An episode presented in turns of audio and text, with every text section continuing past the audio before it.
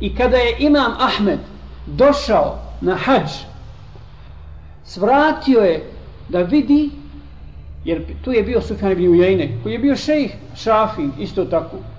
Dakle, njegov učitelj, Hudajl ibn Iyad i tako dalje.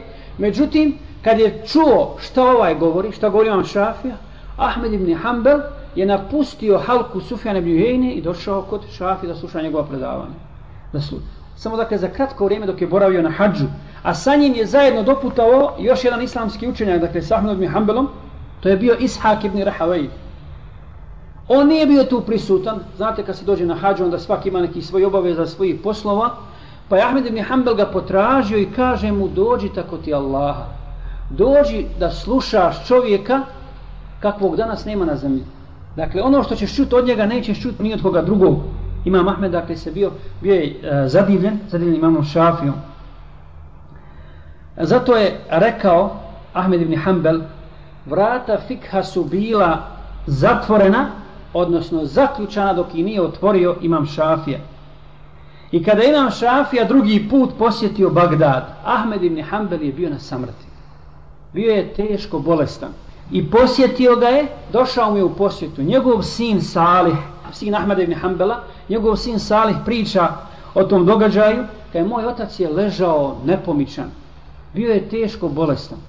Međutim, kada se pomolio na vrata imam Šafija, on je ustao sa svog kreveta iskočio na noge, poljubio ga u čelo, dao mu da sjedne i onda sjeo, nije htio da legne tako bolestan, nije htio da, da legne, nego je sjeo pred njega na koljena da se ispita i kada je pitao ga je dugo, sat vremena ga ispitivao razne stvari, dakle fikske mesele i tako dalje, da bi nakon toga, da bi nakon toga kad imam šafija rekao da mora ići, da ne želi više da ga izvijeti i tako dalje, ustao, držao mu konja i vodio mu konja tako bolestan, tako bolestan do mjesta do kojeg je želio šafija da ide, dakle, u, u Bagdadu.